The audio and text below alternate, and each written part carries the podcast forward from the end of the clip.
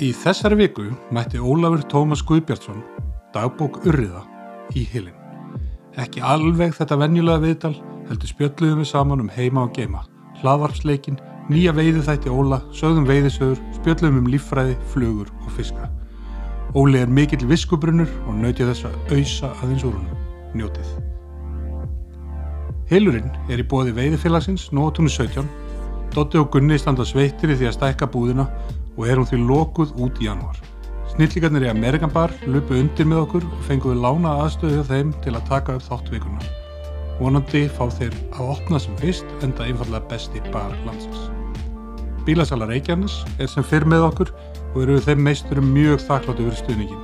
Heyrið endilega í þessum snillingum ef þeir því leita góðum bíl fyrir veiðina eða bara hvað sem er. Svo að lokum er það mér sönn ánægja að kynna nýja samstagsaðala hilsins, Jack and Jones og Selected búðunar í Kringlunni og Smárland. Um að gera að dressa sig vel upp fyrir þessu örfáðu tilfelli þegar maður er ekki í vöðlunum.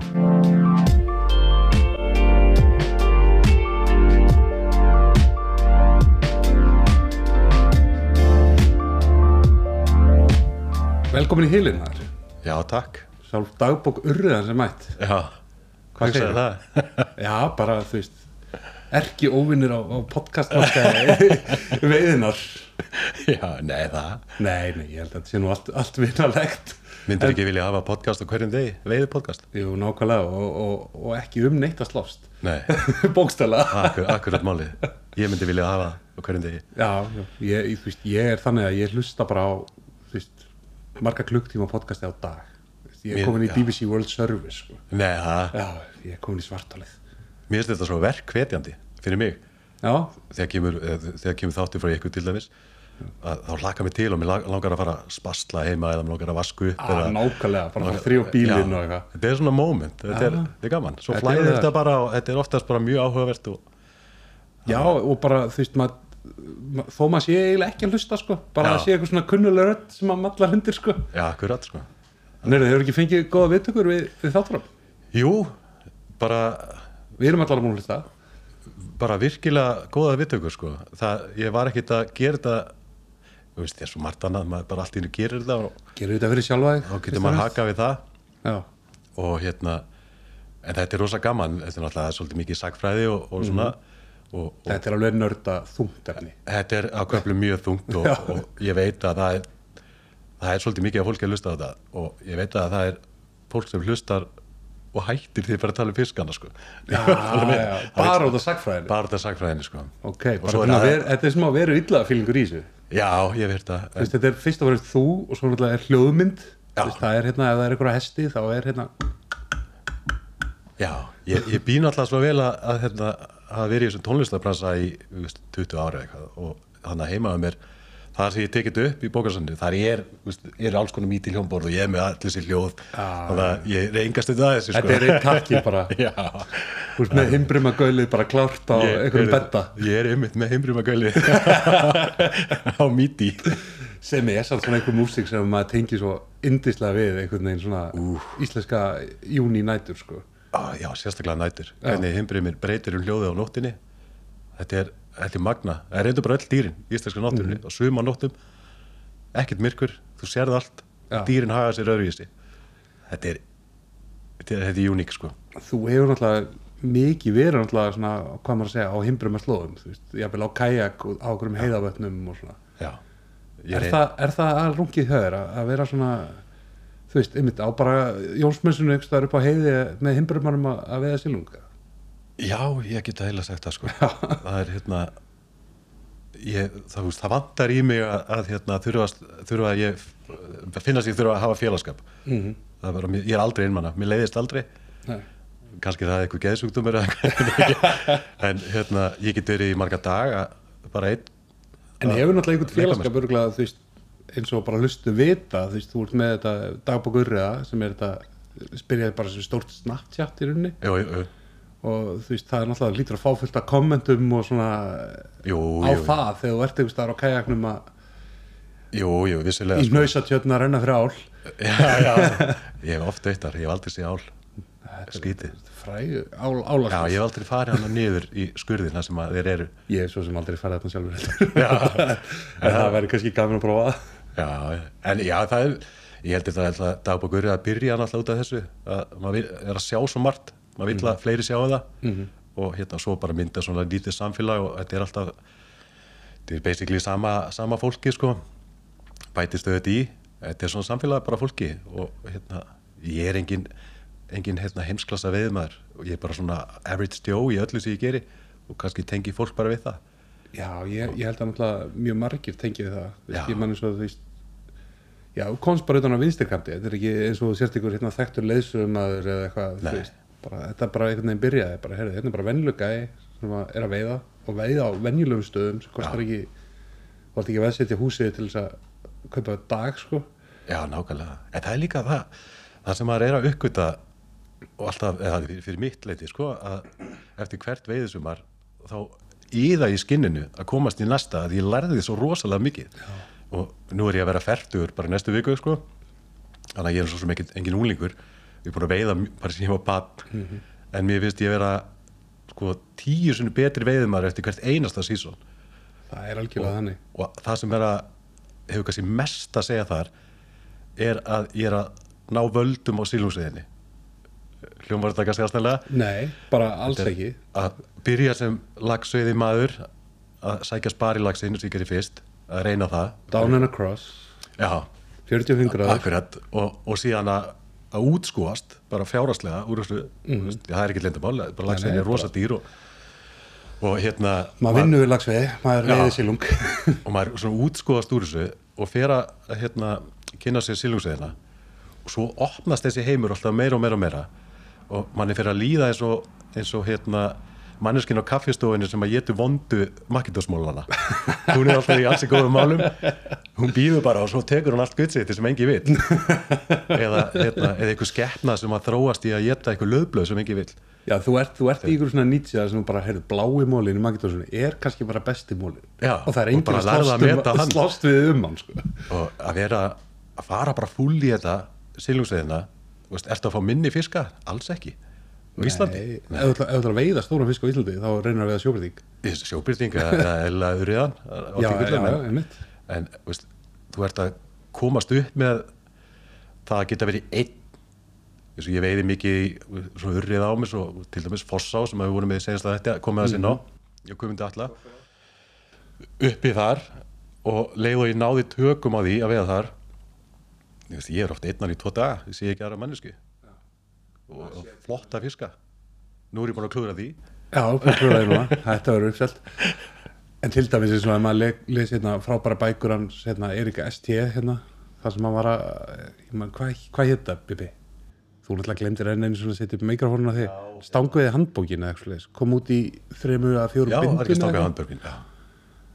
þú veist, þá var svona textu um eitthvað vatn, bara eitthvað, þú veist, já, góð veiði framan á sumri, svo hverfur allir fiskur í júli. já, já, já, akkurat. þegar það var hætt, að- það gekk ekki lengur að kasta píkok nummer 8 á antók, sko, þá komið ofbúða fæðu og kannski einhver gróður og svona. já, það bara best að pakka. Já, er, já, þetta er magna ég kef svolítið líka inn á þetta í podcast áttanum, það sem er mjög svolítið merkilegt og ég veit að nörda veiðumennu finnst það merkilegt að maður er oft hugsað tilbaka mikið ræði til í að vera uppi fyrir 100 árum með flugustöngina mína þegar allar ár voru fullar af fisk og allir fiskur stór og til í að taka. En það var ekki tannig veiðin í Kalmata var verri.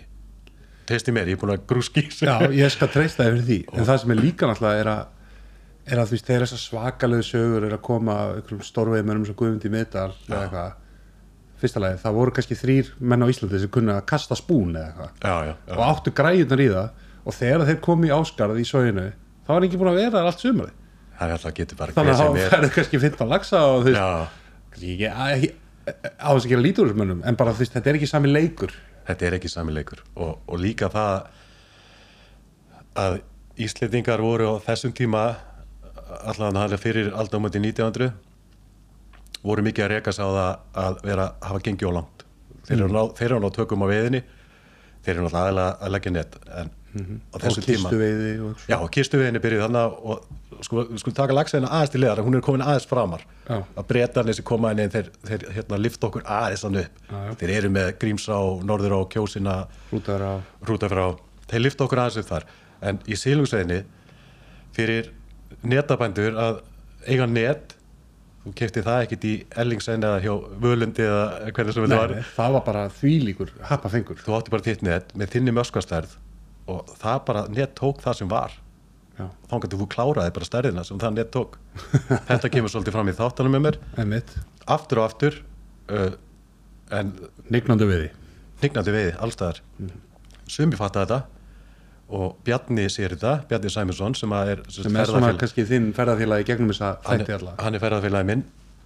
Hann sér þetta og hann fer að koma með, með ábendingar. Að kannski eins og ég vill líka Vassarós Janni vill líka Vassará Vassá Mhm. heitum það ekki? Jú, að hérna, þeir skilja ekkert bændunir Heyra, það er bara allt búið hérna. Hva, hvað er það að gera? Við bara eins og venjulega, við strekkjum fyrir á höstin og Bjarni er náttúrulega engi fiskifræðingur, hann er náttúrufræðingur en hann, hann segir hérna, það eru riðblettir í áni og, og líklega er betra að gera þetta ekki. Já, og hérna þeir tæma þá á og það tekur heilan mannsaldur já. 70-80 ár fyrir ána að koma tilbaka. að koma tilbaka og þetta er svolítið magnað því að venjulegur Jón myndi hugsa það er nóg að urriða þannig í þingallavatni að hverju fara bara þeir ekki í tóma á? Það er ekki þannig, Nei, þetta eru fiskarnir sem að fættust þarna. Þetta er í fiskan sem koma fættist þarna. og þú ert búin að hérna, þurrku þá fjölskyldu og þá þarf bara tíma, þarf tíma. Náttúrulega þarf þessi tíma í þetta aftur. Þetta eru menn að reyka svo aftur og aftur á þessi tíma. Við, í dag erum við náttúrulega að reyka okkur á margt líka sem að við erum eftir að horfa á eftir ég veit ekki, 20-30 ára og hugsa bara hvernig gáttum við ekki séð þetta? Nei, nei. en, Já, en og, og, og ófyrir séð kannski hvað það verður. Það er náttúrulega bara veist, við erum að tala um það er verið að reyna að stípla svart og í Barðardal Já, Og- og- og fengur nú jákaða skýslu þar um daginn. Já, vonandi heldur það eitthvað, en það er svona verið að fyrkt í þessu og auðvitað eh, til dæmis með svarta það er einhver ás sem að sumir elska og aðri viti ekki af. Og Já, kannski, en, en þú veist, það er einmitt eins og hann kom inn á hérna Jónas Sturluson þegar ég spjallaði hann. Já, ef að engin bóndi hefur eitthvað 2 miljón tekjur að eitthvað ári já, er þá eitthvað fiskistofn einskisverði er það bara þess að við borgum við þarinn peningum eða er það bara eitthvað lítil á vestfjörðum sem eru tíu lagsar í já, er það eitthvað svirði? Þú veist, höfum við ekki ákveðna ábyrgð bara gagvart þessum fiskum? við hefum bara rosalega mikla ábyrð Mér, ég er þar. ég, ég er það líka, Já. af því við þurfum ekki við getum gert margt annað það er alveg rafmagn á akkurir, sko. já, ef við finnst þess að við sem að fara á hálan í sína Nei, nei, nei. þá verðum við reyðir veist, ég, ég er ekkert reyður í þessu. Mér finnst bara, að þú veist, þegar sója var virkjað, já, þá erum við að tala um bara að, að hérna, setja ljós í Reykjavík, sko. já, veist, ég get alveg skilið, auðvitað í dag myndi vilja að það ekki verið virkjað, að það er gert eins og það var gert. En veist, það eru svona stórir hagsmunir undir. Þannig bara eitthvað enga fyrirtæki að hérna setja 9,9 megawatt og þú þarf að vera umhverfismat og 10 já, til þess að selja náttúrulega dreifinett. já, ég veit það Þú veist, það er engin rafmagslis á Íslandi út af því að svarta er ekki virkið, sko. já, já, það er ekki algjörlega sko En það er, já, já, það er svo lýsandi til dæmis eins og fyrir virkjuna í sóginu hvernig, hérna, hvernig var gengið fram það, það er bara svona ruttaskapur í öllu sem gert var og klúður í öllu sem gert var skortireitur, stípla sem brast á 17. júni og og allt þetta eins og ég kem fram í að ég gerir þátt um þetta líka og það sem ég varst magnað ég veit ekki hvort það sé að þetta staðfesta á sögu en að vaktmaðurinn sem að horfa á stípluna byrja að ripna, hann mátt ekki ringja úr, úr síma yfirmanna að hann þurfti að keira allavegna í ljósafoss til að láta vita. En hvað hefði verið hægt að gera? Kannski ekki neitt. Ekki neitt, en samt bara já, kórunarinn súrealisma, sko. algjörlega. En svona alltaf þingu alltaf að þetta er hundrasunum betra veiðvatn í dag en það var þarna. Er það? já, urriðan, fyrir urriðan Já, við náttúrulega mistum þennan stopp, já, Svo er alltaf að tala um eins og veist, fyrir skortir og annað að, veist, að vasshæð sé stöðu sem hann er náttúrulega ekki að einhver leiti í þingurlagatni sko. Nei, hún, hún er, þetta náttúrulega ávitu þetta er, þetta lón Þetta er, já, basically, þó kannski, það er erfitt að hugsa það þannig, þetta er á UNESCO World Heritage Site sko. já, En þetta En- er uppistöðu lón. þetta er uppi stjólun þið komið reyndar aðeins inn á það í, í síðasta þætti við komum til alla, mér varst það ágætt hjá honum að, að segja það bara. Að Hvort það sé of mikið öryða. það er er að sjá myndir að hóruðum urða og, og ég er náttúrulega bleikju við maður, ég veit í þingallatni í mörg mörg ár. Sumulegis, ég hef aldrei einhvern veginn lagt í hennan öryða, bara helst bleikjuna sko. já, það er alltaf frábær. En ég er til dæmis að sjá miklu, miklu minna murtu já, en, en ég, á því ég byrjaði, já, já, já, já. ég man, einmitt, þú segir það sko, þegar maður byrjaði, þá var þetta eiginlega sko maður þetta kasta og maður mátti ekki reyfa fluguna, já. hún að komast niður fyrir murtuna, ef þú reyður hana, þá var murta á bara ég, ég segja það sko. Ég sá í sumar, sá ég murtu torfi kominn uh, í Arnafellinu Mhm. og, og hérna stóri urjar beint á eftirni. Alveg bara hömruð hana sko, þeir þrýstinni svona í klettana og, og hérna og riðust á hana hana og þá fór ég um til að hugsa þetta ég sagði, akkur sé ég þetta ekki lengur? Þetta var einmitt svona, maður kastaði. Já. ef hún fór ekki nú rætt niður, þá var bara murta. Já. og maður var stundum með svona lítið póka maður sapnaði kannski tíu saman, svo pönnusteikti maður þetta. Einmitt. Ég var, gömul kona sem bjóð fyrir neða mig þegar ég var krakki, hún láti henni dag blessunin en henni, hún fekk þetta alltaf og það var bara hand, handflaggaði ekkert verið að taka innan úr bara, Nei, nei, nei. svo bara velti på kveiti og steikt sko, herramarsmatur Algjörlega sko. En, en þetta er það sem að það sem við vorum að tala um, það er margt sem að menn gerðu á þessu tíma þarna erum við náttúrulega fyrir 1900 aldamatinn sem að menn lærði af og, og hérna þetta er alltaf bara, þú veist, Charles Darwin nýkom með sína kenningar og Já, þannig já. séð og eitthvað svona. Og þetta er allt bara vísindin í kringum þetta eru bara að byrja. Og það hafa náttúrulega verið veist, Eggert og Bjarni í ferðabókin og síðan hefur verið uh, minnir hafi danskur líffræðingur sem að kíkta aðeins á þetta það er ekkert fyrir Bjarni færi hennar styrk sko, 800 krónar styrk á ríkinu til að actually kíkja á þetta. 800 krónir voru tölvöru peningu þá. Já, já, uh, hérna að menn fara eitthvað að spá í þessu. Svo er misjað hvernig menn grípi í það. Til dæmis uh, rakst ég á það í þessum rannsóknum mínum eða þessu grúski mínu, þetta er nú ekki rannsóknir að til dæmis uh, bændur við apavatn þeir spotta þetta. Þeir, þeir hugsaði, nei, nei, nei, nei heyri, nú er, nú er óefni, stærðinu fyrstum er að breytast við þurfum að breyta mörskastærðinni við þurfum að halda jafnbæði já, og, og við þurfum að hætta að veiða fiskinn á gríningum á haustin. Það er örgulega hreiningafiskur þeir spotta þetta og, Spottuðu og, það. og hérna magnað. Og það er náttúrulega búið að veiði fyrir þarna tölvöra tíma.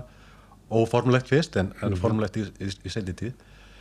Þannig að ég held sko að ég loki þessari tal longlókum minni með það að ég er náttúrulega viss um að eftir ekki svo langa tíma 20-30 ára að við horfum tilbaka til dæmis á sjókví eldi og, og svona og við bara hristum hausinu svona, hvernig, hvernig gætu okkur dotti þetta í hug? Já, já, við erum náttúrulega bara við erum eiginlega að hrista hausinn bara yfir síðustu lagsilsbylgju ennþá sko.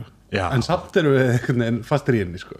Og við erum sko það er svo stutt síðan við minna það er stutt síðan við vorum húka lags í blöndu bara, já og víða, Já, já. Það var bara ekki að tala um það sko. eins og fullsæl sem er nú tengt, tengt þessu abaðskerfi bara í gegnum hérna, brun, brúar á já, já, þú veist, það er bara veist, uh, var lagsinu bara útreitt með heikvíslum. Já, já. A- hann kemur fram í einu Árni- já, einmitt, hann því. ú- útrýmt. Þetta var, held ég, ég held að þetta standi í bókinu hans Eriks ST ég held að það er líka, það er lítil á og snæfist þessi sem að ég ætla ekki að skiptir ekki máli, bara lítið skiptir ekki máli, bara móralist hér sko. Og hún er tengd vatnagerfi og, og þar átti að rækta lags og, og að slefta líka gríðarlega miklu við ég held að það hefur verið eitthvað um 30.000 seiði, 50 seiði ég, veit, ég held ég veit strax hvað um en, það þurfti að losna við óaskeilega íbúða það sjóbleikju, sem var tölvört af sjóbyrting, staðbundin örrið á staðbundableikju, áll og, og já, alls ekki komið. Bara maður signa sig þegar maður heyrir álinn sko. Það er bara, það er bara svoleið sko, okkar konungu var þannig Já, hann hefði nú kannski lifað þetta en, en það er bara strekt á og síðan restin drepið með hérna, hittið ekki Rótalón? Nei, er Rótalón sveppa heitur Rótalón, Rótalón, þessi Skordýr hafa eitur. þurft að hella í ymsar ári í Nóri akkurat. Þannig að hún er bara þurrkuð upp fyrir lagsveildið sem að síðan feilar. Þetta er náttúrulega bara galið sko. Já, og til dæmis rakst ég á það ég man ekki hvort það er strömmferðar á eða, eða hafferðar á. Mér langar að segja strömmferðar á frekar. Á þessum tíma í kringum aldamöti 1900 þá allt í henni hverfi sjóbyrtingurinn fyrir að stórsjá á honum og það er verið að kíkja á þetta og þeir eru að fá allt upp í 5.000 sjóbyrtinga í net að strekja fyrir. 5.000 á ári. Hvað, það Hugsaðu er bara það. fleiri sjóbyrtingar en gangi þjórsá sko ég veit ekki hvort að þetta var eitthvað eitt met sem ég rakst á en, Nei, nei, hérna, en það er náttúrulega galinn tala sko. Það er galinn tala. Það þýðir bara þeir, þeir að veiða allan fokkin sjóbyrtingin sem gekkur í sér á. Þau vart að strekja svona fyrir. Þú vart að stoppa af bara náttúruna. Veist, þetta verður að ganga svona. En já, já, þetta er, þetta er gaman að grúska svona og hérna, það er alltaf einhverju nörrar sem hafa gaman að þessu. Já, já, greinilega fullt sko. já, já, svo lærir maður líka mikið að þessu sko. já, mér, hérna og þegar þú varst að tala um eins og apavatnið hérna, ég, og bara svona hvernig uh, veiði í vötnum einhvern veginn gengur fyrir sig út frá stofnunum sko, hérna ég veitti í mörg ár í á sem að tengist þessu kerfi og allt í hennu bara stækkuðu fiskarnir. Já, og ég var að fá mjög mikið af svona 4-6 punda fiskum já, einn hérna alveg Faroland Birkir, klippinu er mynd á honum held ég þú veist, þessi rauði örglega 10-12 punda fiskur eða eitthvað. Já, riðið það? Já, já, já, og einhverju lagsal alltaf líka en hérna svo bara einhvern veginn gerist eitthvað og þú veist, það sem var 4-6 punda fiskur var alltaf orðið 1-3 pund. Já, veist, og ég er ekki viss um að það er kannski eitthvað eitthvað breyst bara þú veist, það verður eitthvað svona offjölgunabilgja, stofnin hrinur fáir og stórir já, svo byrjar að fjölga sér aftur og þá verða þær minni og fleiri veist, ég, veist, það er líka svona lúpur sem að kannski er erfitt að fá sjónar á dag frá degi, skilur þú veist, þú kemur að einu svona einhverju vatni, þá er hún kannski einhvers staðar í þessari lúpu, bara ekki alveg það sem að þú vilt að hún sé, skilur algjörlega en með þetta hárið til lúpa hefur held ég að, að hérna, það er heiða vatn fyrir norðan sem að ég veitir mikið í sem unglíkur. Það er svolítið erfitt að komast áka langt, langt lapp sko. Mhm. það var rosalega mikil veiði tvö, tvö, eru tvær litla skálar það eru nokkið sem ég veit að lista Það er einhverjir sem að vita hvað þetta er. Því ég var að veiða sem barn eða unglíkur þá vorum við að fá kannski 100 fiska á dag. Mhm. en óttalegi snákar sko. Pulsublegjur Já, fyrir að pulsunar sko. og síðan það var alltaf verið að leggja net í þetta. Það var svo, skilirinn eru svo góð í þessum litlu tjörnum. Fiskurinn hefur það svo gott þó að þessi lengst upp á fjalli. Bara bleikja í þessu. Að hérna það var ofjölgun og síðan er, er verið að netast aðeins í þessu og síðan einhvern veginn bara jafnar þessu út.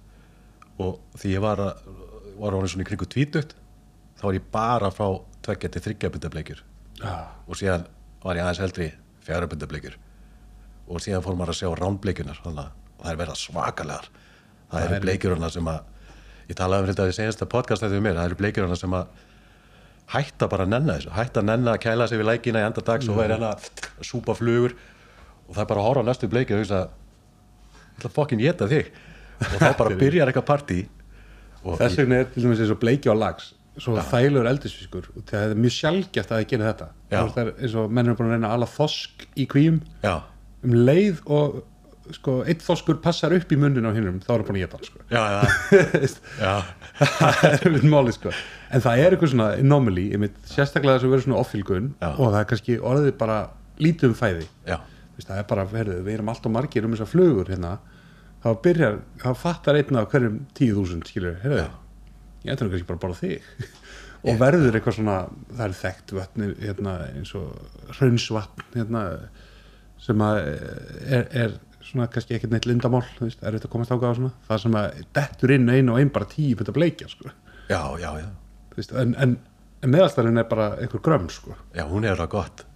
Hún, hún er tíundu bekkingurinn í áttundu bekkingur partíu. Það er, þú veist, hún er á Honda Cube með bílpróf lagður fyrir utan hagaskóla sko með inn með, með já, já. F957 í botni sko já, já, þetta er rétt. Ég, uh, ég var hann að við þessa litlu tjörn. Ég tjálta oftan uppi og, og eina sumanótt þá var ég að- græja held í grillið og eitthvað og ég lít svona núna í tjörnina og ég sé þessa svakalegu skeppnu bara að dóla sig framjá og ég hljóp mér á bakka og auðvitað er þetta giska á stærð. Já, já, en þú veist, stór. 10 pluss, 13 þar? pluss þar. Úf, bara tvekjar á lags bara. Og já, það, var, það er alg, ekki algengt en margir sem ég þekki sem við hann að hafa fengið sko 7-8 pundum bleikjur þannig að þetta gerist. Mhm. en þetta er magnað og þetta breytir svo fljótt Ú, og nú er þetta að gerast í hérna, frostaþaðvatni já, því ég veit ég þar fyrir 15 árum þá hérna var einhver vík sem maður fór hann inn í. Einmitt. Þar voru nokkra stórar.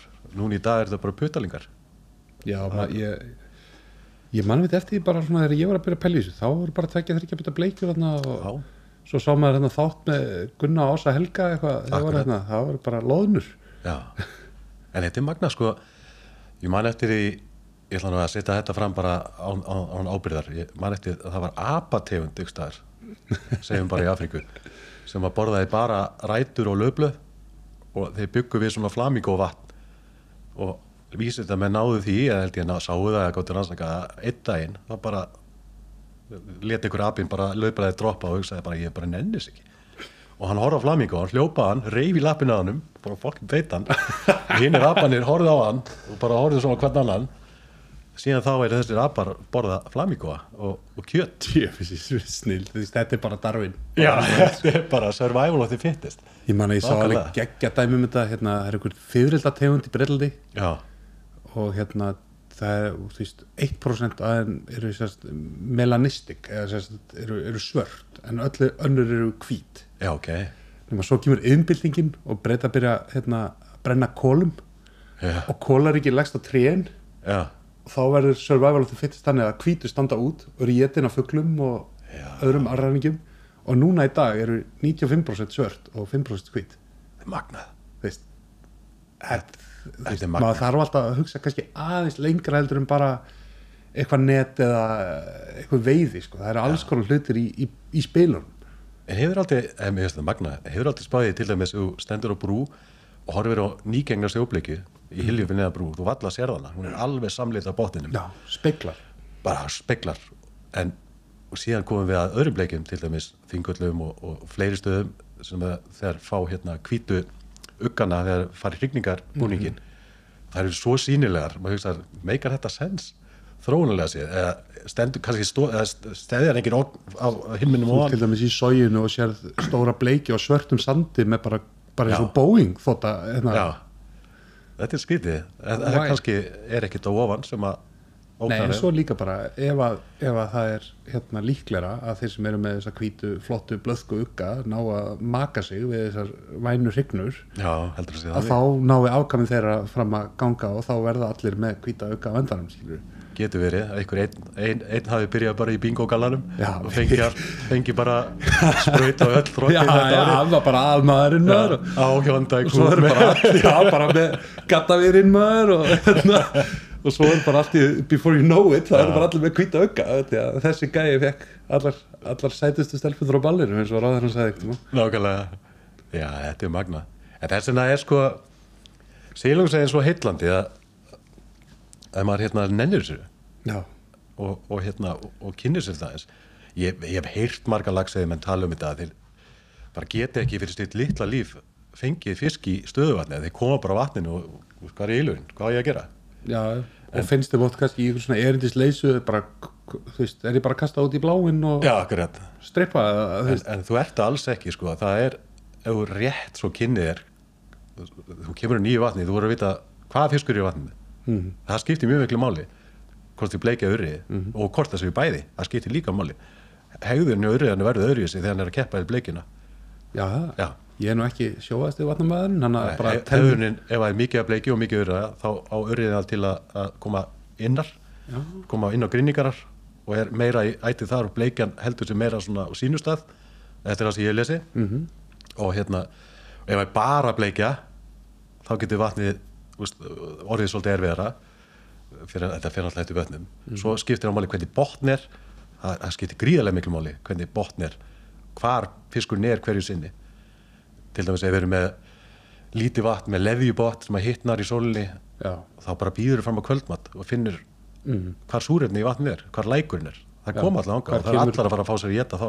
Hvar er disturbance á yfirborðinu og súrefni?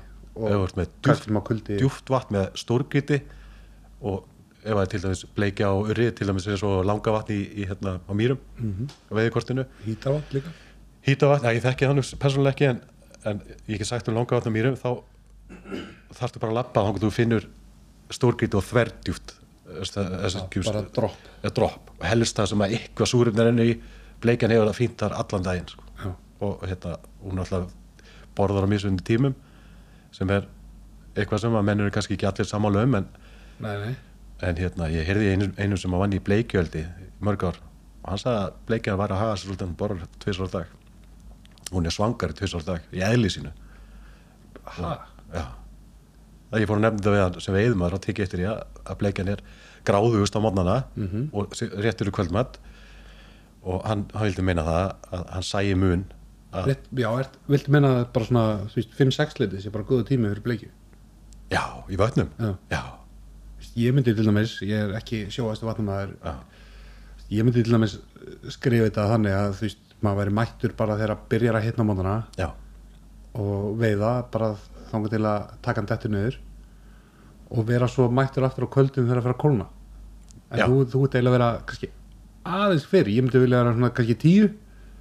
Nei, það, er ekki, ekki, það er ekki mér reynsla sko. Ég Mín hef oft reynsla ekki, þú veist, all nighter og þingullum bara. 10 til 10 já, og bara fengi einn kannski klukkan 2 og svo bara ekkert fyrir klukkan 7 um morgun. Nákvæmlega, það er ymmit það er ymmit mín reynsla hana líka. Að á þingöldum og þeim stöðum sem ég veiði þar gefur best uh, ef ég að veða sendipartinn sko. Þetta vill maður að mættu snemma líka. Maður nenni því ekki alltaf. Nei, nei. þá gefur best að vera, vera byrjar að kasta svona 5-6 fyrir kvöldmatt og það kemur oft skot og svo kemur oft annað svona míniskot rétt fyrir miðnætti og síðan er dauði. Algjör dauði sko. Það er mín reynsla Birkir kinka kollið þetta, hann er búin að veiða þetta mikið. Og hérna, en þetta er sko við förum aðeins í vatnaveðina ég veit að það eru örugglega margir lusta sem að vilja kannski ná me- meiri tökum á því.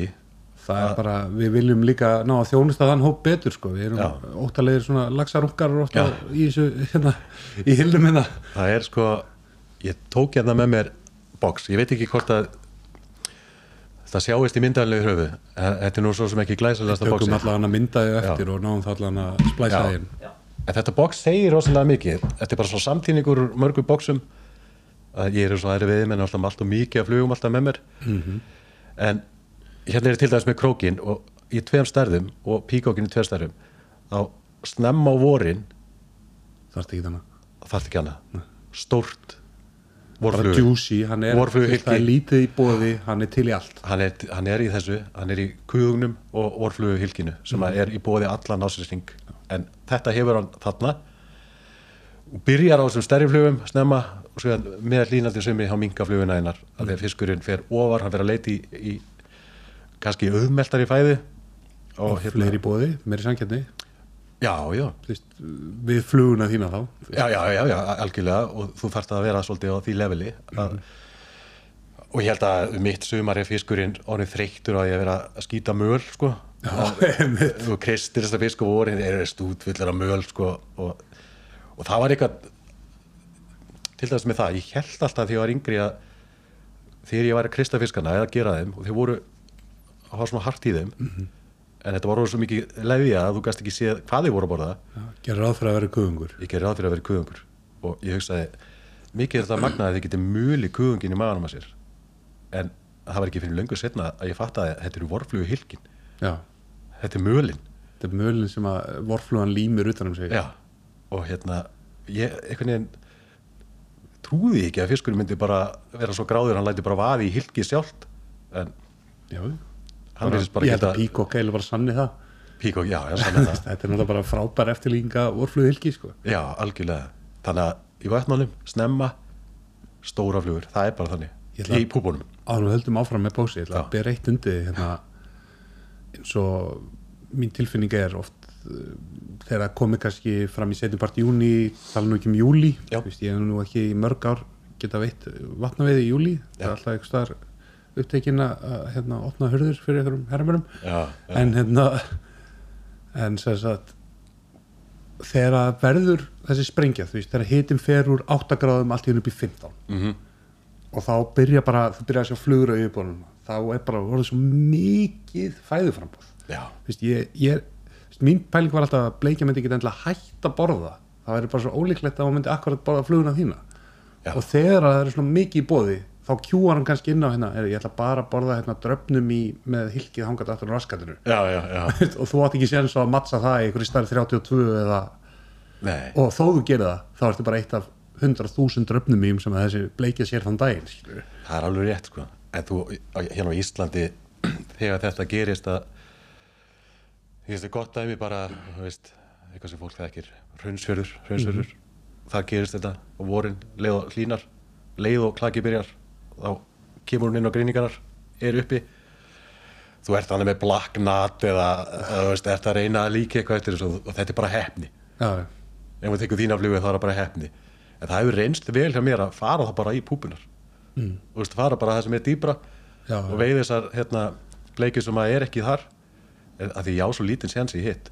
En hins vegar, þegar svona það er gerist mitt svona kannski sínd veiði alls ekki gefin. Já en það er eitt, eitt hérna, ég kalla hann ekki trikk þetta er kannski bara tilvílun en þegar hún vill ekkert í yfirborinu eða hann, eða hvað það vorst að veiða Já. og púpuna hérna virka ekki Við þurfum að spyrja, ykkur líffræðika hvað hva gender prono, pronouns Já. leikjaður er nota. Og séu nú réttum með í þessu.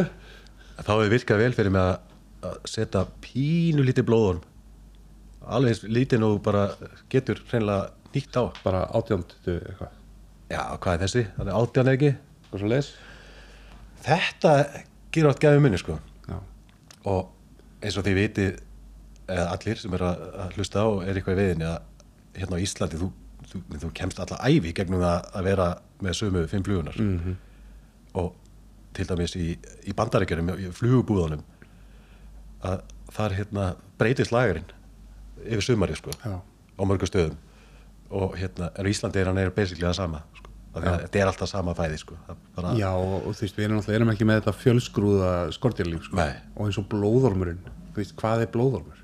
það er lifur á topplugunar Nákvæmlega, og ja, já, topplöðunar og, og bitmýð, þetta eru rauðar lirfur, Akkurat, og þær eru í bóði allan ársins yngaldi þær Svo eru hjarta mikið á, vetunar og, og svo fara þær að vera hreyfalegri á sömrin ég kannski klipp, eða, fæ, fæ byrki til að klippa einnig mynd, þú veist, það eru líka svona einhverju ormar sem að lifa í vötnum til dæmis og í mývatni, þú veist, fólk hefur að pæli skörmi, vörmi eða eitthvað, þú veist eh, þetta virkar ekki alltaf sem einhver ánamaðkur sko, þú veist, það eru svona 20 cm hérna, mjóir ánar einhverjir sem að fljóta niður átnar og eru bara í partur af því sem að fiskurinn getur sko. já.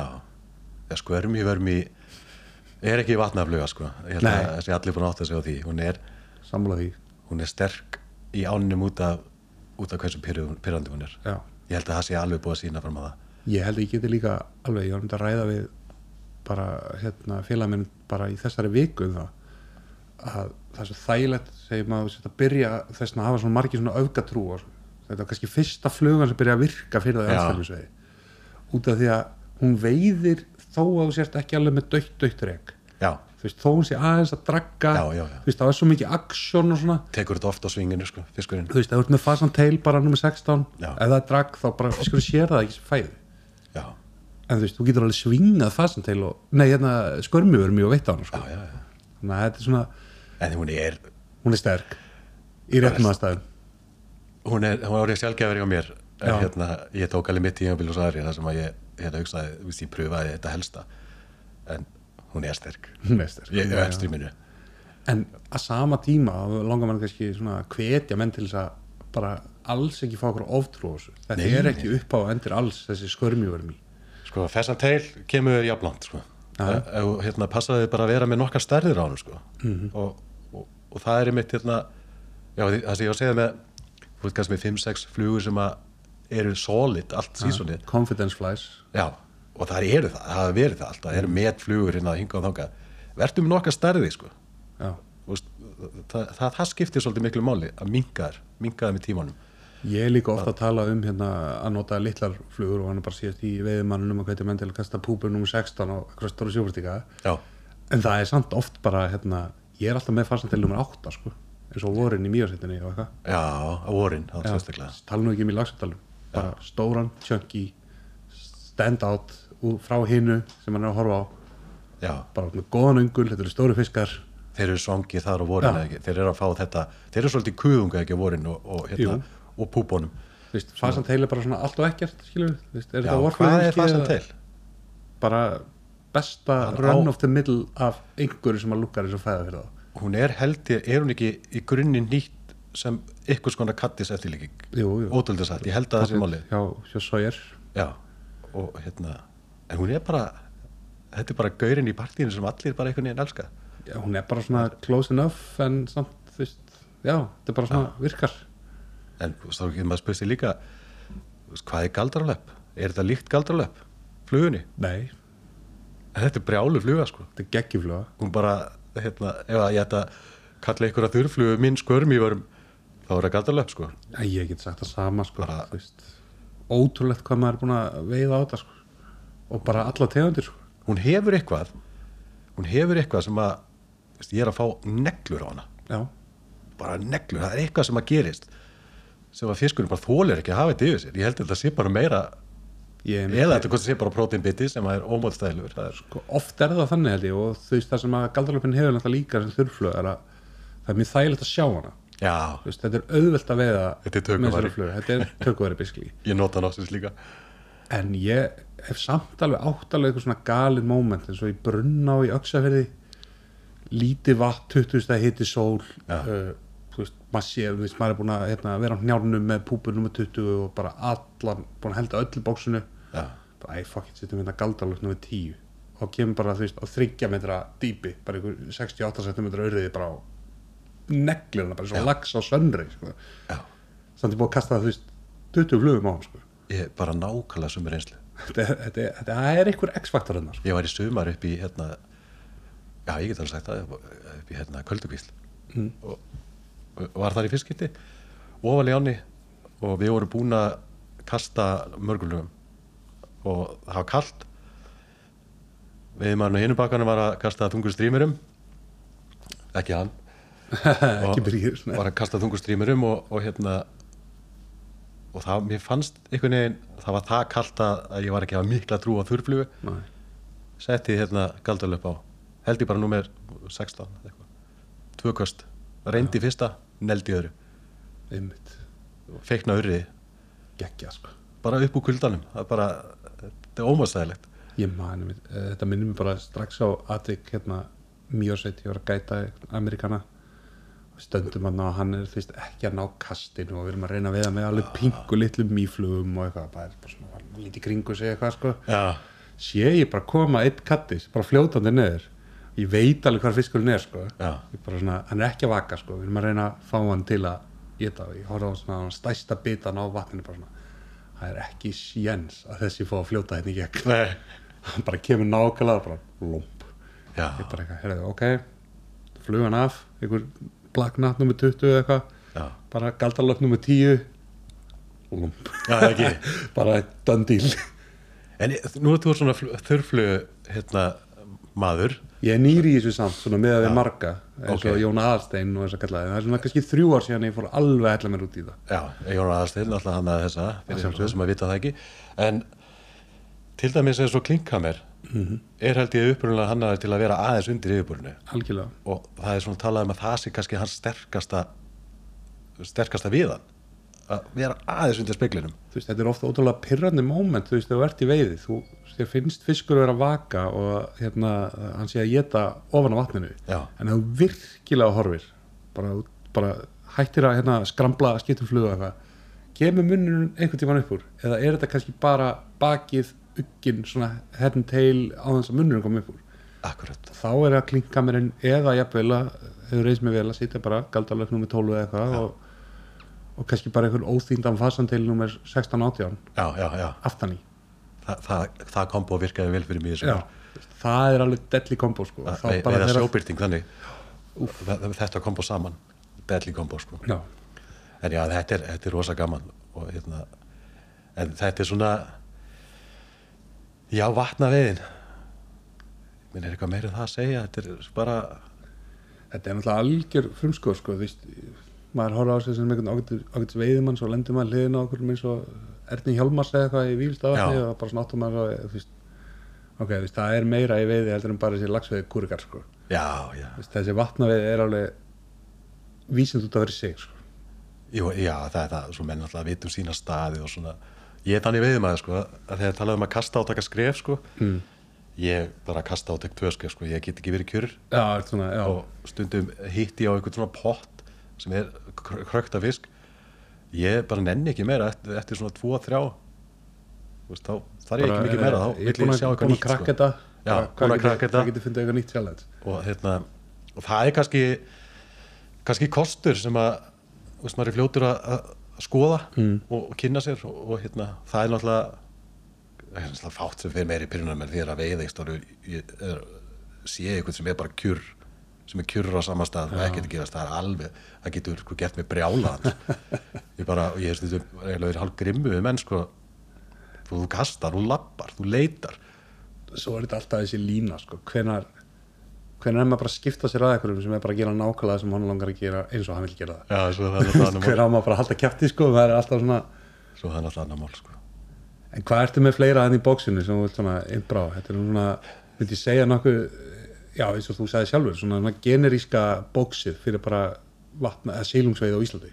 Já, þetta er þetta er þessi er hann að ég er enda með uh, streamer sem heitir Golden Homungus sem er ég set hann hann í staðið fyrir hérna, svarta nobler Já. svartu nobler er náttúrulega svartu dópi okkar flugu við manna ég sé þetta ekki, það er svona svolítið langt svart marabúrskott ymmit Já, og, og, og gilling, þessi er, getur verið mjög grimm að, einmitt að strippa hana upstream niður. Já. Það er eitthvað við þessa flugu. Ég fekk rosalega sjóbyrting á þetta í eldvarninu. Ég var bara að koma eldvarnin inn. er það hann að þessi stæsti Já, stæsti, stæsti? í, í feðgum. Og hérna, ég- þannig ég er með hana hérna og svo er þetta bara hvítu nobler, þetta er dýrbítur, þetta er ykkur skona variation af Black Ghost. Reynda fluga sem að hefur aldrei heillað mjög mikið, Black Ghostin. En, og svo appisíkur nobler. Þetta er þess- þessar ströflugu sem að ég kemist upp með að þú ert ekki rektor maður Nei, ég er ekki rektumæður Nei. og hérna, þetta eru trúabröð já, þetta, þetta eru trúabrið held ég bara svolítið úr hérna, já, að ég, ég heyrti um þessa flugu en ég gæti ekki tengt hana við við gæti ekki identify hana sko fyrir nokkrum árum. Nei, nei, nei. Að hérna, nei, þetta er náttúrulega Kolbett Grímsson Já. svona skólinn, mývatn, eitthvað. En, en já, svo er þetta bara þessa helstu púpur því hvert er að fara eitthvað djúpt í það. Nei, nei, bara eins og þú vilt sko. Og svo kannski þur- þurrflugulegin áhugaverðari. Já, með eitthvað svona hvað maður að segja, attraktora þú veist, út með eitthvað svona hrossaflugu eftirlíkingar og eitthvað sem hafa nú gefið mér líka vel og svo náttúrulega klinkamerinn og, og galdalöpin það er hérna það fer langt á því. Já, já, er það ekki bara máli það er, já, Black Natin hann að Maurin, Klingamir Galdalöpin hrossaflugur og Daddy Longlegs er hann alltaf hrossafluga væntanlega.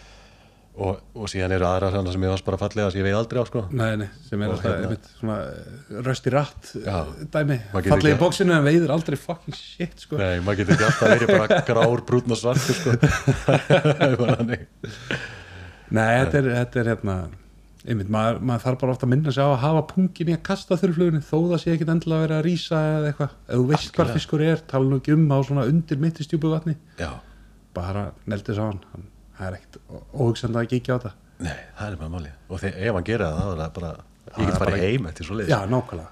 Ég ég, fæ góðan fyrst til að veist, negla þurrflugun og þó ég missa hann. Mér er alveg sama, ég verð bara það er sigur. Algjörlega sko. Þú veist, bara einn og þurrfluguna fram fyrir 20 á púpuna Já.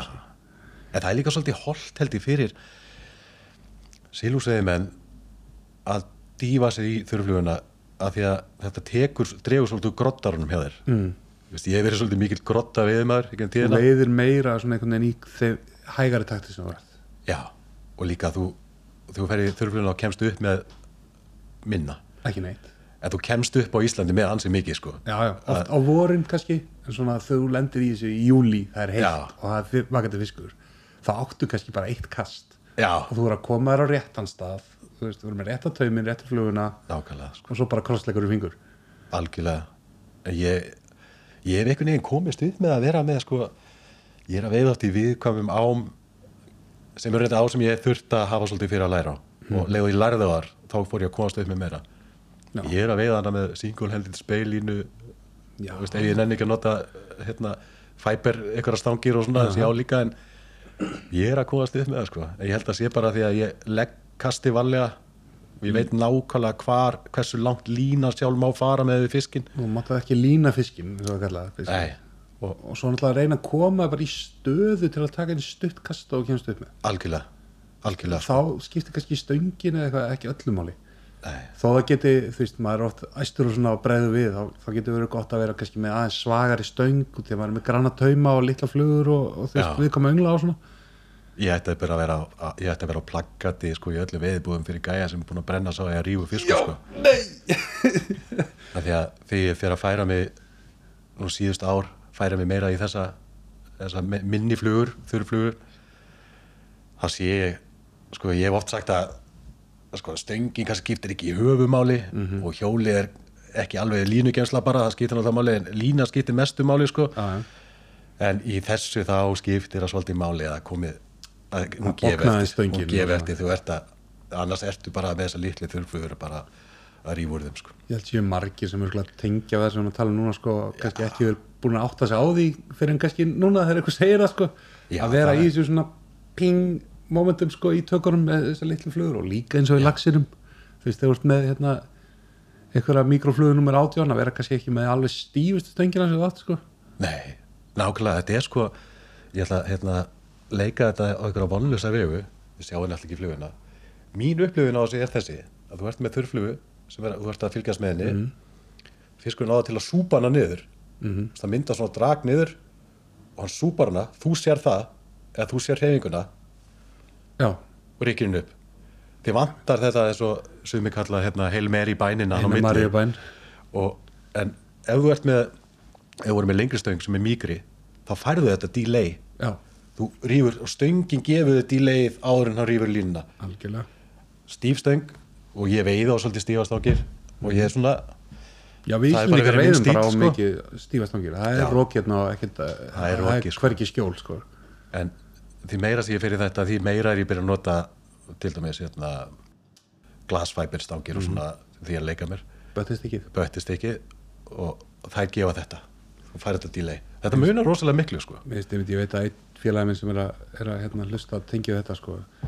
Mér finnst oft sko mönnum finnst eitthvað sport í því, finnst eitthvað flottir eða mæta eitthvað með stöng, sjöfetta stöng nummer tvö, eitthvað böttistik já, finnst bara eitthvað er sko veist, við erum hérna, við þurfum bara stjörnusgrjót sko, þú ert með einhvern, einhvern, einhvern hexagon hérna sko veist, þetta á sér stað og stund Já, bara í akkurat. dag þegar þú ert að reyna að standi mitt upp í vatni þú ert með sjöfetta stöng og það ert ekki með neitt loft til þess að ná að kasta lán já, og það eru hérna 8 metrar á sekundi.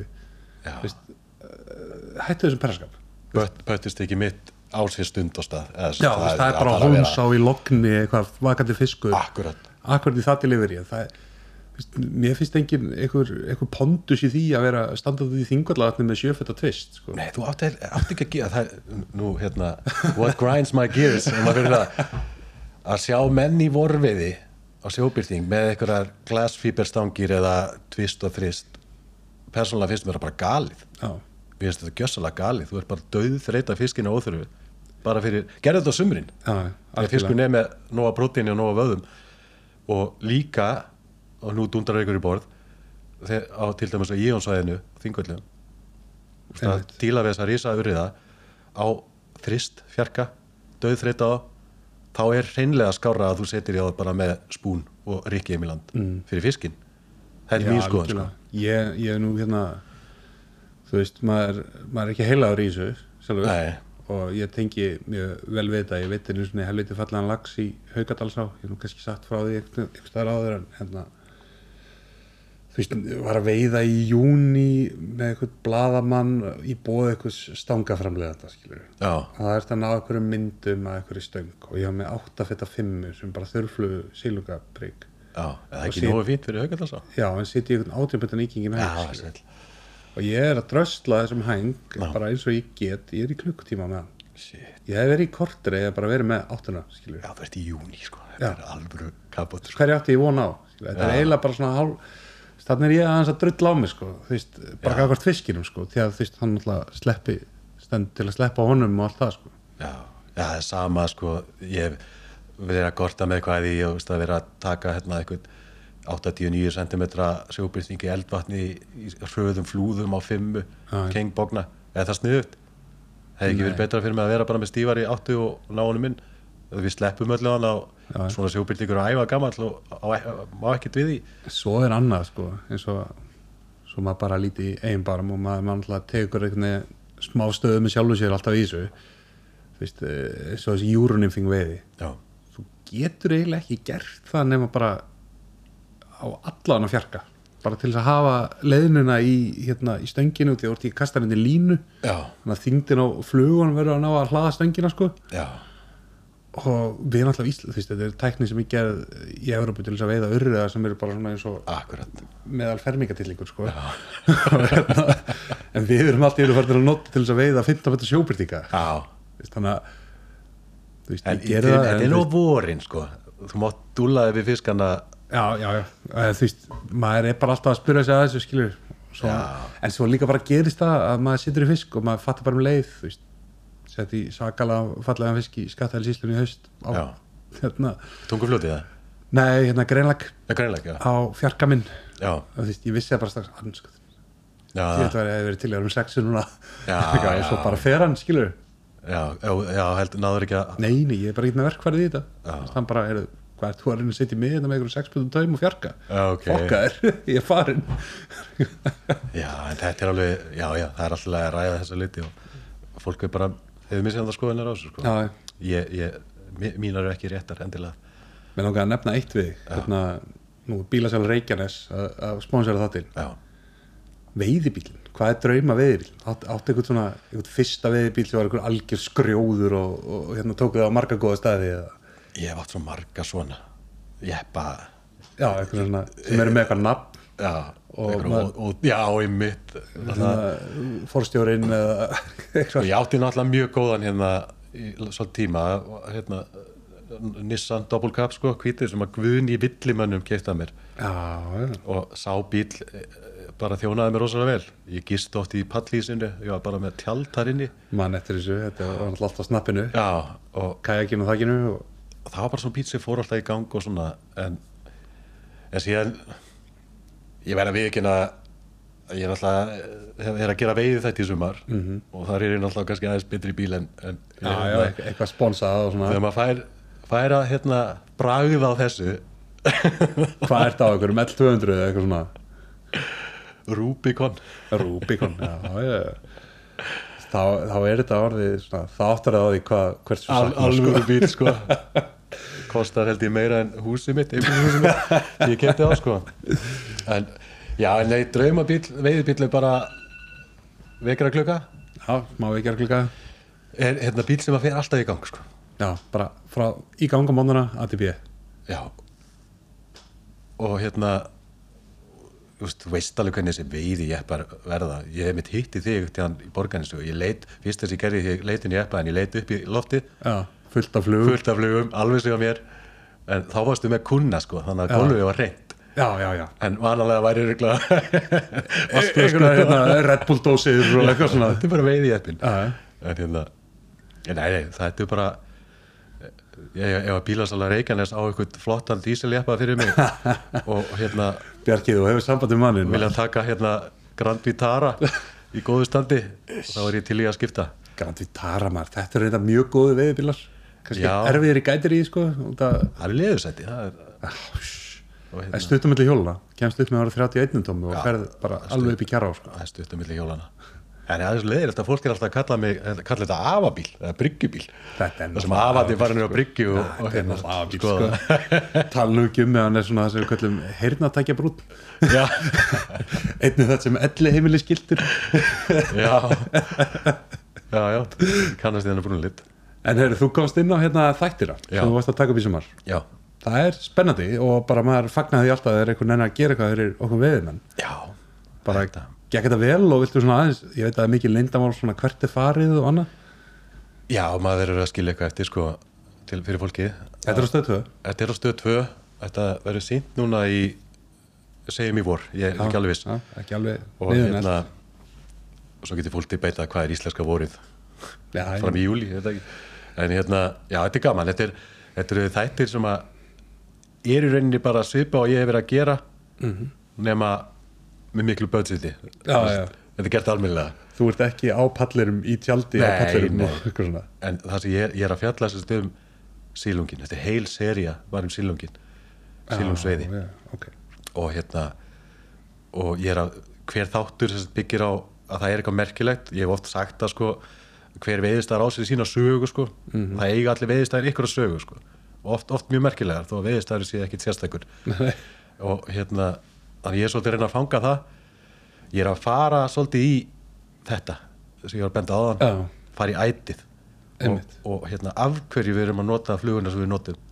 Og, og hérna og líka svolítið í líffræðina. Ekki mikið, þetta er aðalega bara að veiða. Mhm. og hérna En svona smá, nördafóður svona já, þetta er sko, ég er að reyna eða við erum að reyna að gera veið þáttaserju sem að ætti að vera skemmtileg fyrir byrjendur en nördanir Teng, sko, já, tengja líka við allt. þetta er einna barnaðetni sem að fóröldarnir hafa líka gaman hafa Akkurat, þetta er Pixar myndina sem að dótti mín horfir á og ég elska þegar hún velur eitthvað eitthvað sem ég get allan að hleyið af Já, in Despicable Me og eitthvað sem er, sem er með góð, eitthvað sko, svona annað anna plott sem að, sem að, að fullan fólki kveikir á. Nákvæmlega Já, og þetta er, sagt, við vorum í þessu sumar það gekk rosa vel. Þegar hérna, Frábært.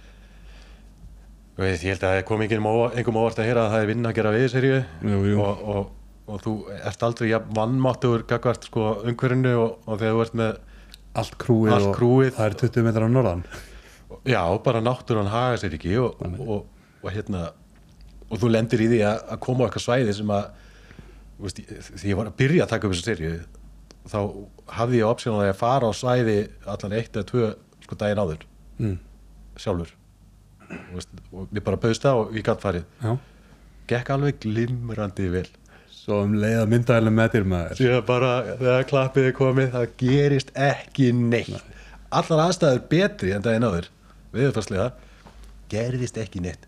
En eh, ég segi nú ekki neitt. Það, það hérna Já, það er Bjargaði vonandi alltaf. eitthvað í þessum þáttu sko Ekki bara, þú er að vera þetta í gær sko, þá hafði við geta gert geggjað overall gekk rosalega vel. Já, ég hérna, veiti miklu betur á, á, á þeim svæðum sem að ég fór á að ég valdi, ég fekk að velja svæðin og ég hefði getað að valið miklu öðuldari svæði. Ég valdi erfið svæði. Mm. ég valdi eitthvað sem að var að tjálisa mig.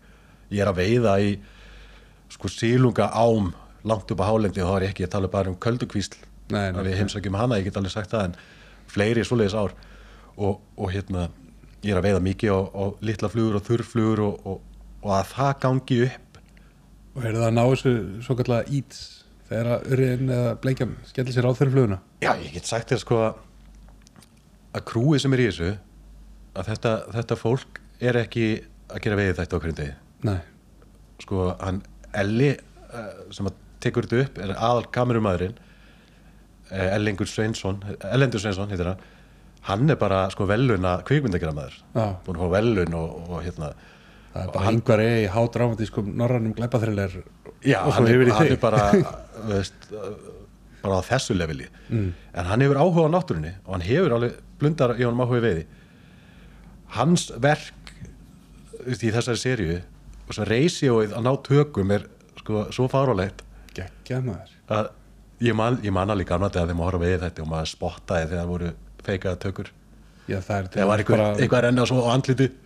Já, og svo bygglusteng það er nú bara að segja að margir íslskir veið þetta er ekkit svo gamlir sem að bara fólk er basically að húka sko fyrir kameruna sko. Ég hef heyrt alls konar sögur og, hérna, maður sér það bara, þú veist hvað þú ert að horfa á og sér það sko. Og ég hef heyrt sögur af, af erlendu veið þáttur sem komandi í Íslands og þeir fá eitt fisk og hann er færður í háfum fram og tilbaka sko. Já.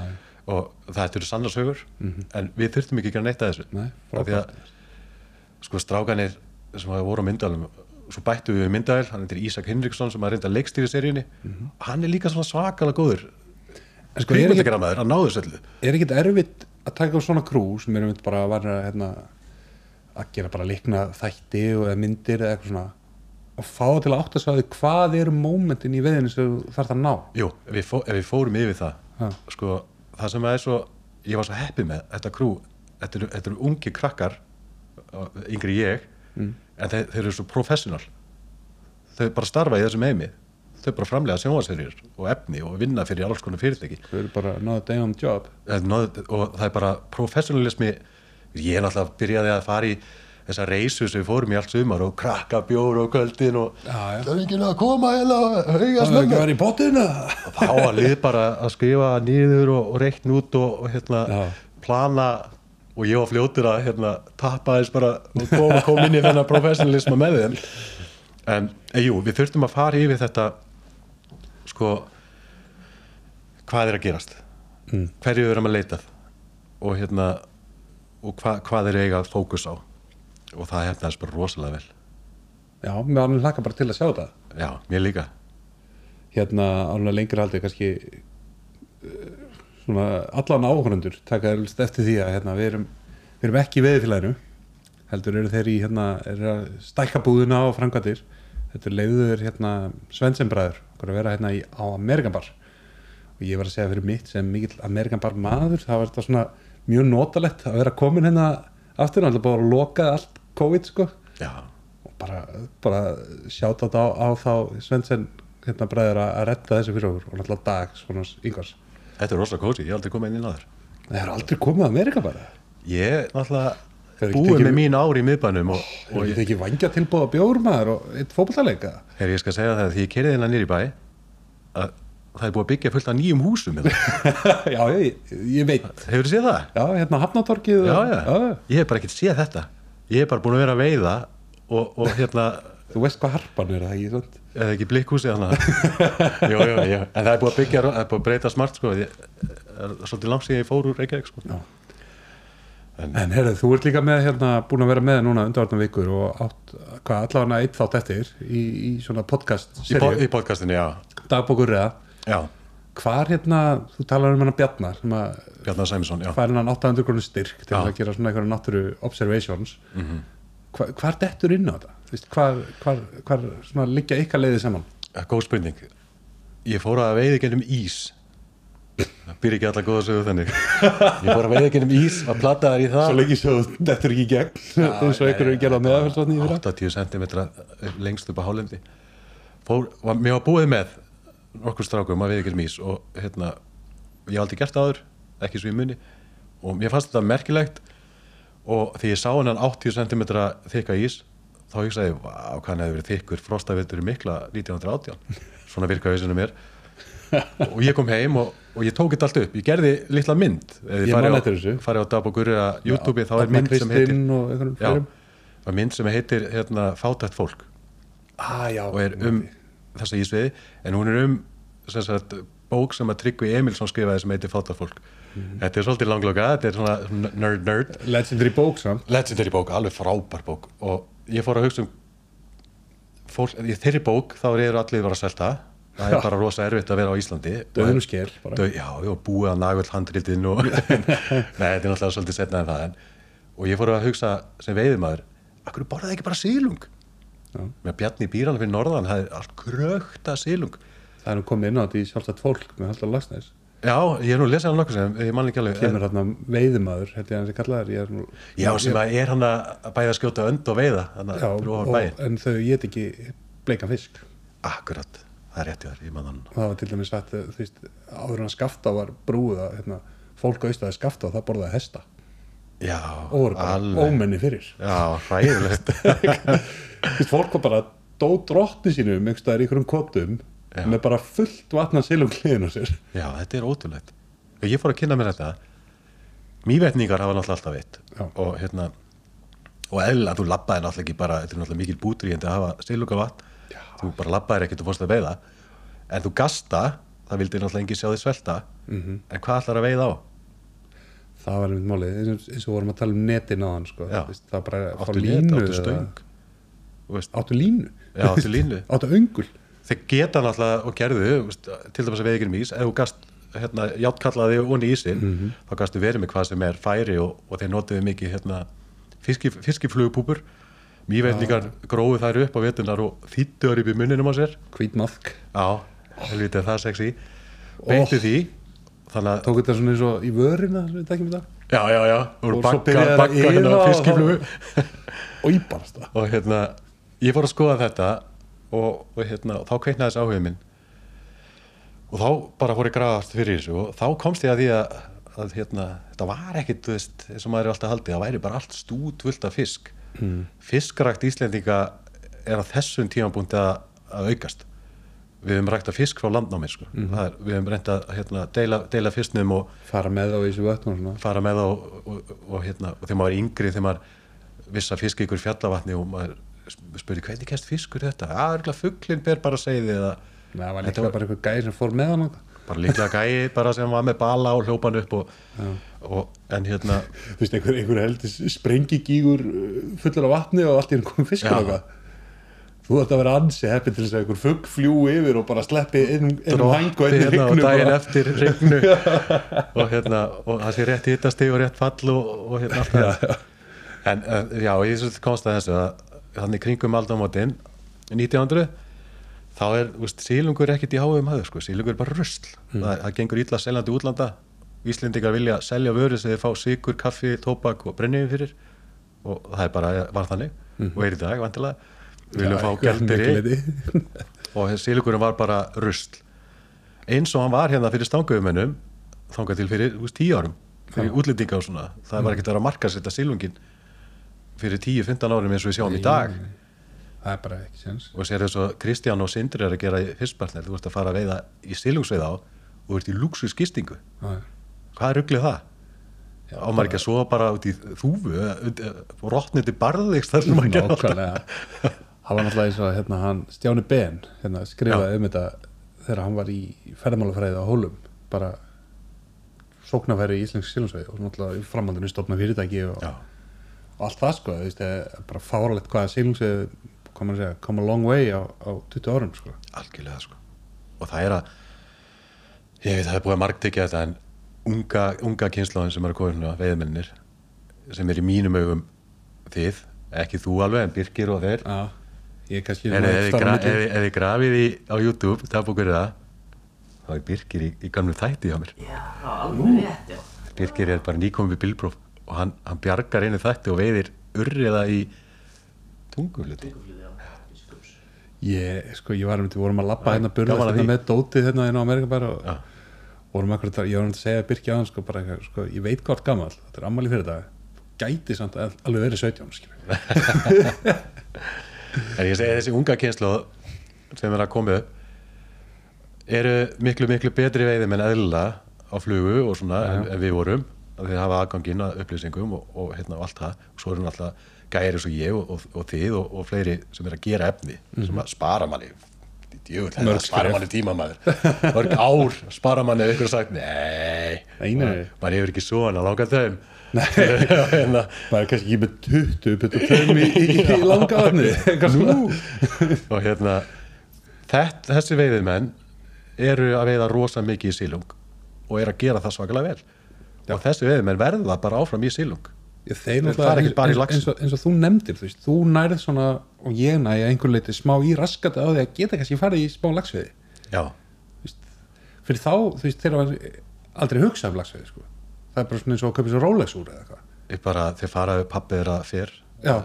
bara, já, já, já, bara, bara einhver hend, hending skilur já, veist, ég man ennþá mó, ég, man ekki alveg hvar þetta var sko Eh, ok, það skipti ekki öll hvar þetta var en ég man svona eila mómenti sem að ég var að byrja að borga það mikið fyrir lagsveiði að ég bara hreinlega skammaðist mér fyrir það. Og ég var samt á bíl sem kostaði næstu í minni leifið já, og maður var að renna upp að veiðihúsunum til að fá að kíkja í veiðibókina.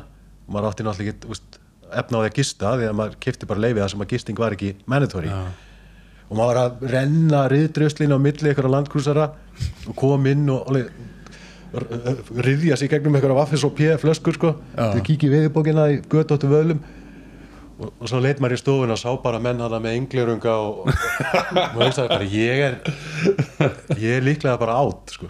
Já, þú ert átt. Svo það fór maður að veiða og það kannski komið svæðaskipting og maður bara, hvað, þryggja tíma svæðaskipt? Hvað er ég nýbyrjað hérna? Og maður næri ekki neinu og það er 150 skall undir já, og maður fær ekki neitt og maður nýtu þess ekki. Bömmar bömmir, Já. sílúseginni ég geti veitt í 5 ár fyrir 150 skall. Já.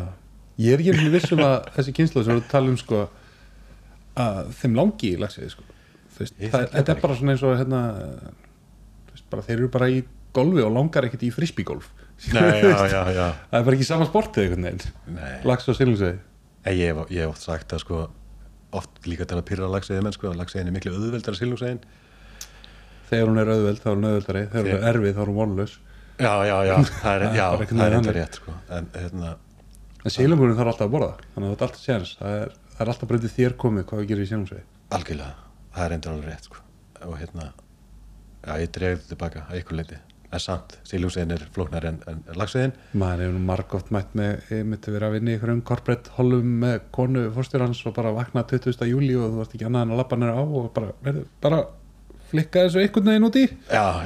heyrðu, Marjulasinn til að mikið Já, algjörlega sko.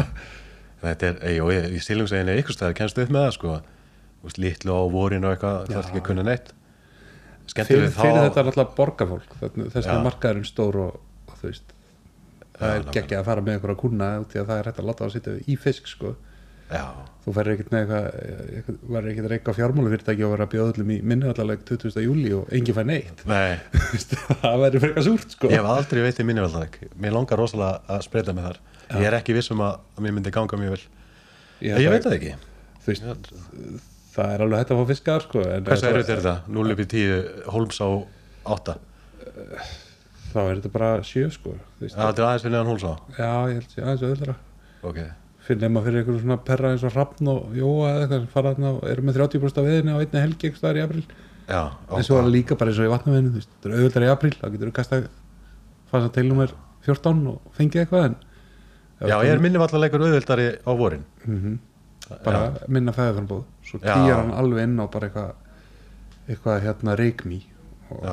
og þeir sem er að fá okkur að fiska þeim eru bara einhverjir finski perrar að kasta einhverjum flugunum í 32 sko. Já, en það er svo sipað á litla á. Það er auðvöld á vorin Mhm. og svo er þingist hún.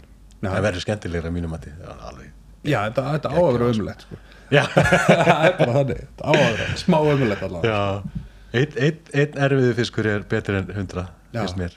Þú veist, minni allavega er samt alveg þannig að hérna, og hefur breyst. Veist, það er alveg eins og hann Ingól Dagi kom inn á það var alveg sleppt þarna einhverjum já, þú veist, það er fráriðslega frá stöðunni sem búið að laga og svona, veist, það er aðeins, aðeins eh, þingst á þessu.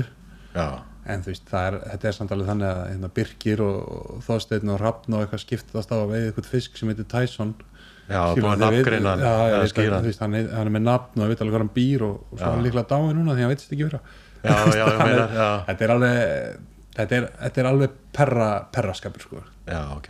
Ég er til í þetta, ég er til, til í að pröfa þetta. Lítið hús og, hérna, og heitur pottur og já, ekki augun úr kannski? Nei, nei, nei að því að nú veit maður um svo mörg svæði sko, sem að er í, er hérna, er orðin auðvöld finnst manni mm -hmm. það með langar svolítið ég held ég fari bara hennilega að stunda hólsana meira ef ég gerði á þetta, ég stundi það rosa mikið sko.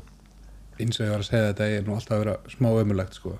þú veist, maður byrjaði og ég, ég tala fyrir sjálf mig og fer maður alltaf í svona einhvern tímabil maður byrjaði í vötnunum svo var maður alveg heitlega að lagsveiðinni fór að gæta alveg á fullu og bara þetta toppinum tilhörinni svo dettur maður inn í þetta hérna, púpu upstream dæmi. Já, tíu árið því, alveg bara og núna er maður svona, lendir í þurrflugunni gerur það fyrir að taka tíu árið því.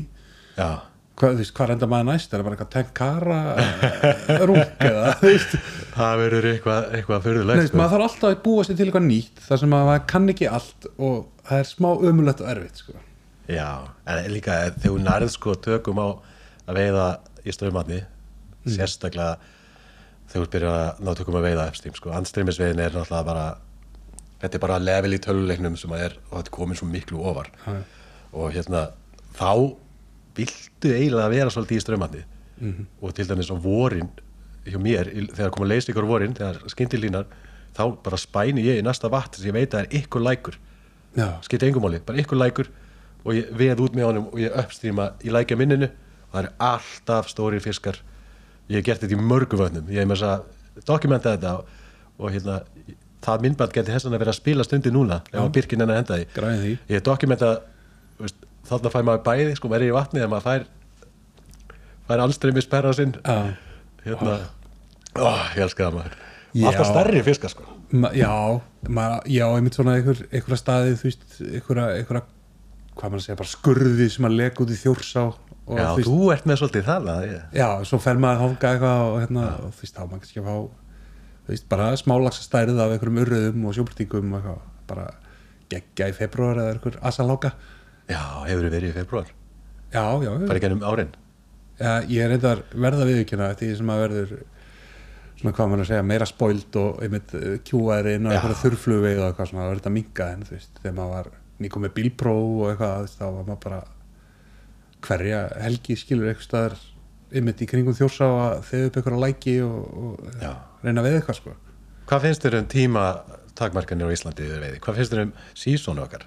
Svo ég takki nú bara við að Já, spyrja svo þig þú veist þér þannig að spurja með þér. Tables have turned, en já, hérna Ég er forvitin að vita það ég hef bara oft pælt í þessu sko og hérna mér finnst ekki, þú veist, svo lengi sem menn að- kannski ekki að veiða fiskinn akkurat á reyðtíma sko, Já, þá sé ég ekki alveg munun á að veiða hann að sleppa honum í februar eða sleppa honum í apríl. Þannig Nei. ef einhvað er hann kannski að sprekar í februar já. Ef aðstæður eru þannig skilur. ég, ég, hérna, það er, þetta er, þetta er, þetta sko, maður er alltaf með Instagram.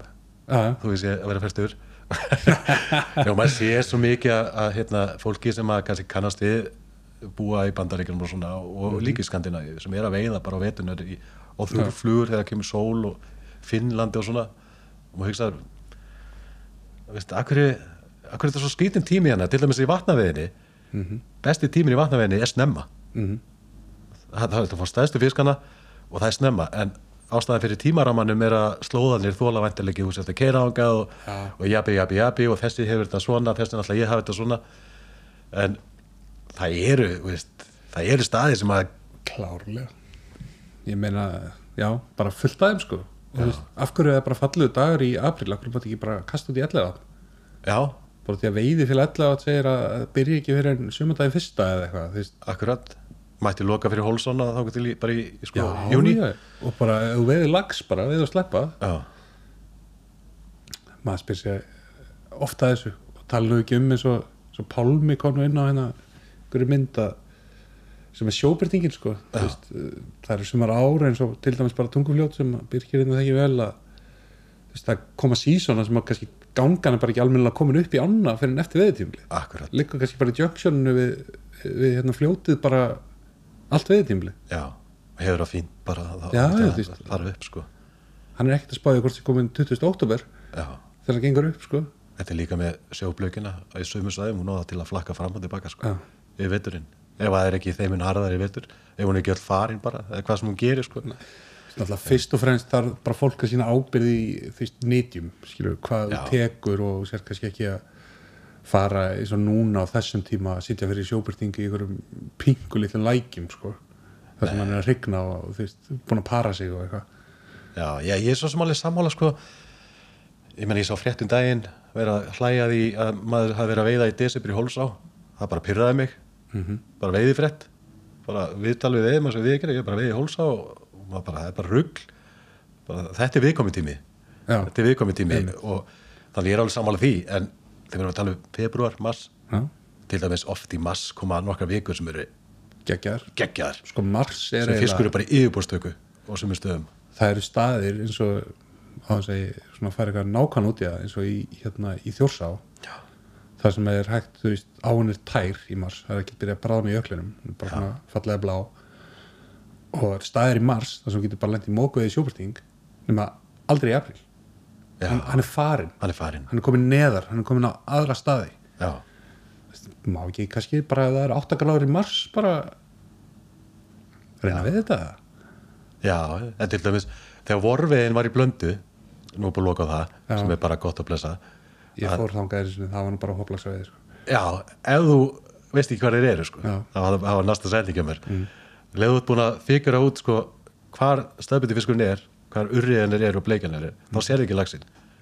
Þú, þú ert að veiða hugsandi eins og silungsveiðmaður og ekki eins og hóplagsin alltaf liggur og við sést ykkur stöðum alltaf á, á vorin, forðast á staði. En maður hugsa oft hérna, ef það væri ekki þessi helvítis laxinn allstæðum maður, þá var þetta geggjað veist, á góðum degi í, í hérna apríl. Já. Það er var flottir, við flottir urriðar hann á bleikjur sko. vorum í svartil með fasantel Já. upstream, bara lags, lags, Já, lags. það- í mæ sko. Þetta er þarna lengst framveitir sko. En var hann ekki svolítið vel haldinn? Jú, þetta var flotti viskar sko. verður- séð, og maður var heil lengi með það og allt það sko. Ég hitti veiðimann hérna og þess vegna fór mér að finnast allt í lægi að slúta þessari vorfiði ég hitti veiðimann yfir nokkrum árum síndi mig mynd á hann að koma úr vorfiði í blöndu með, með silvaðan nokkuð þéttan lags hmm. það er bara einn ný gengin nei, Nei. veit það aðeins að rauglast þeir eru svona, þeir eru líka í Víðdalsann í skilsmér og voru stundum svo vel þessum tíma líka Þessum tíma, þessum er árum sko það var líka alltaf bara gott reyðhjól í, í hérna lagsastöðunum hvort sem er það var engin lagsandi frá. Sko. það var engin að ganga neitt sko. Nei, nei. það var eitthvað búin að setja eitthvað, eitthvað planka eða eitthvað. Já, sem átti dammin einhvern tímann í júni já, ég, ég veit ekki ég á nú margar minningar á þessu lagsast því já, segjum ekki meira um það. Já, ég var ekki, ekki vestir þar. Nei, nei, Gamla, gamla, gamla það. Það er allt mátti. Já, húkið. Húkið, maður. Skrítin tími. Já, já. en eru ekki bara búin að taka gott spjallið hvernig eru á Jú. tíma Birgir Já, 1 og 20 já, geggja maður. Það er ekki bara flög áfram. Já, já bara, maður, maður, maður, maður finnst þetta 7-5 mínútur. Já, En bara takk hérlega fyrir komuna Óli og hérna við hvetjum fólk náttúrulega til þess að fylgjast með þáttánuðinum á stöð 2 og náttúrulega hlusta á dagbókurriða og bara helstu hlaðarsveitum Spotify og Apple Podcasts og allt það. Ef, ef fólk vil, hérna, vil það líka þá, Já, ég hef ekki að segja að það sé mikla líkur á okkur samleið okkar hlustendahópa. Mér, mér finnst það líklegt. Mér finnst það líklegir en ekki. Heri, Takk hérlega fyrir. Takk fyrir mig. Takk hérna Svensson bræður fyrir að lána okkur hérna í, í þessari krísi okkur Takk hérlega fyrir að hlusta. Mér langaði að segja ykkur frá Facebook síðu þáttarins eh, Hilurinn hlaðvarp. Og einnig að hvetja ykkur til að subscriba og læka þar sem þið hlustið hvort sem það er á YouTube, Spotify eða Apple Podcast. Takk fyrir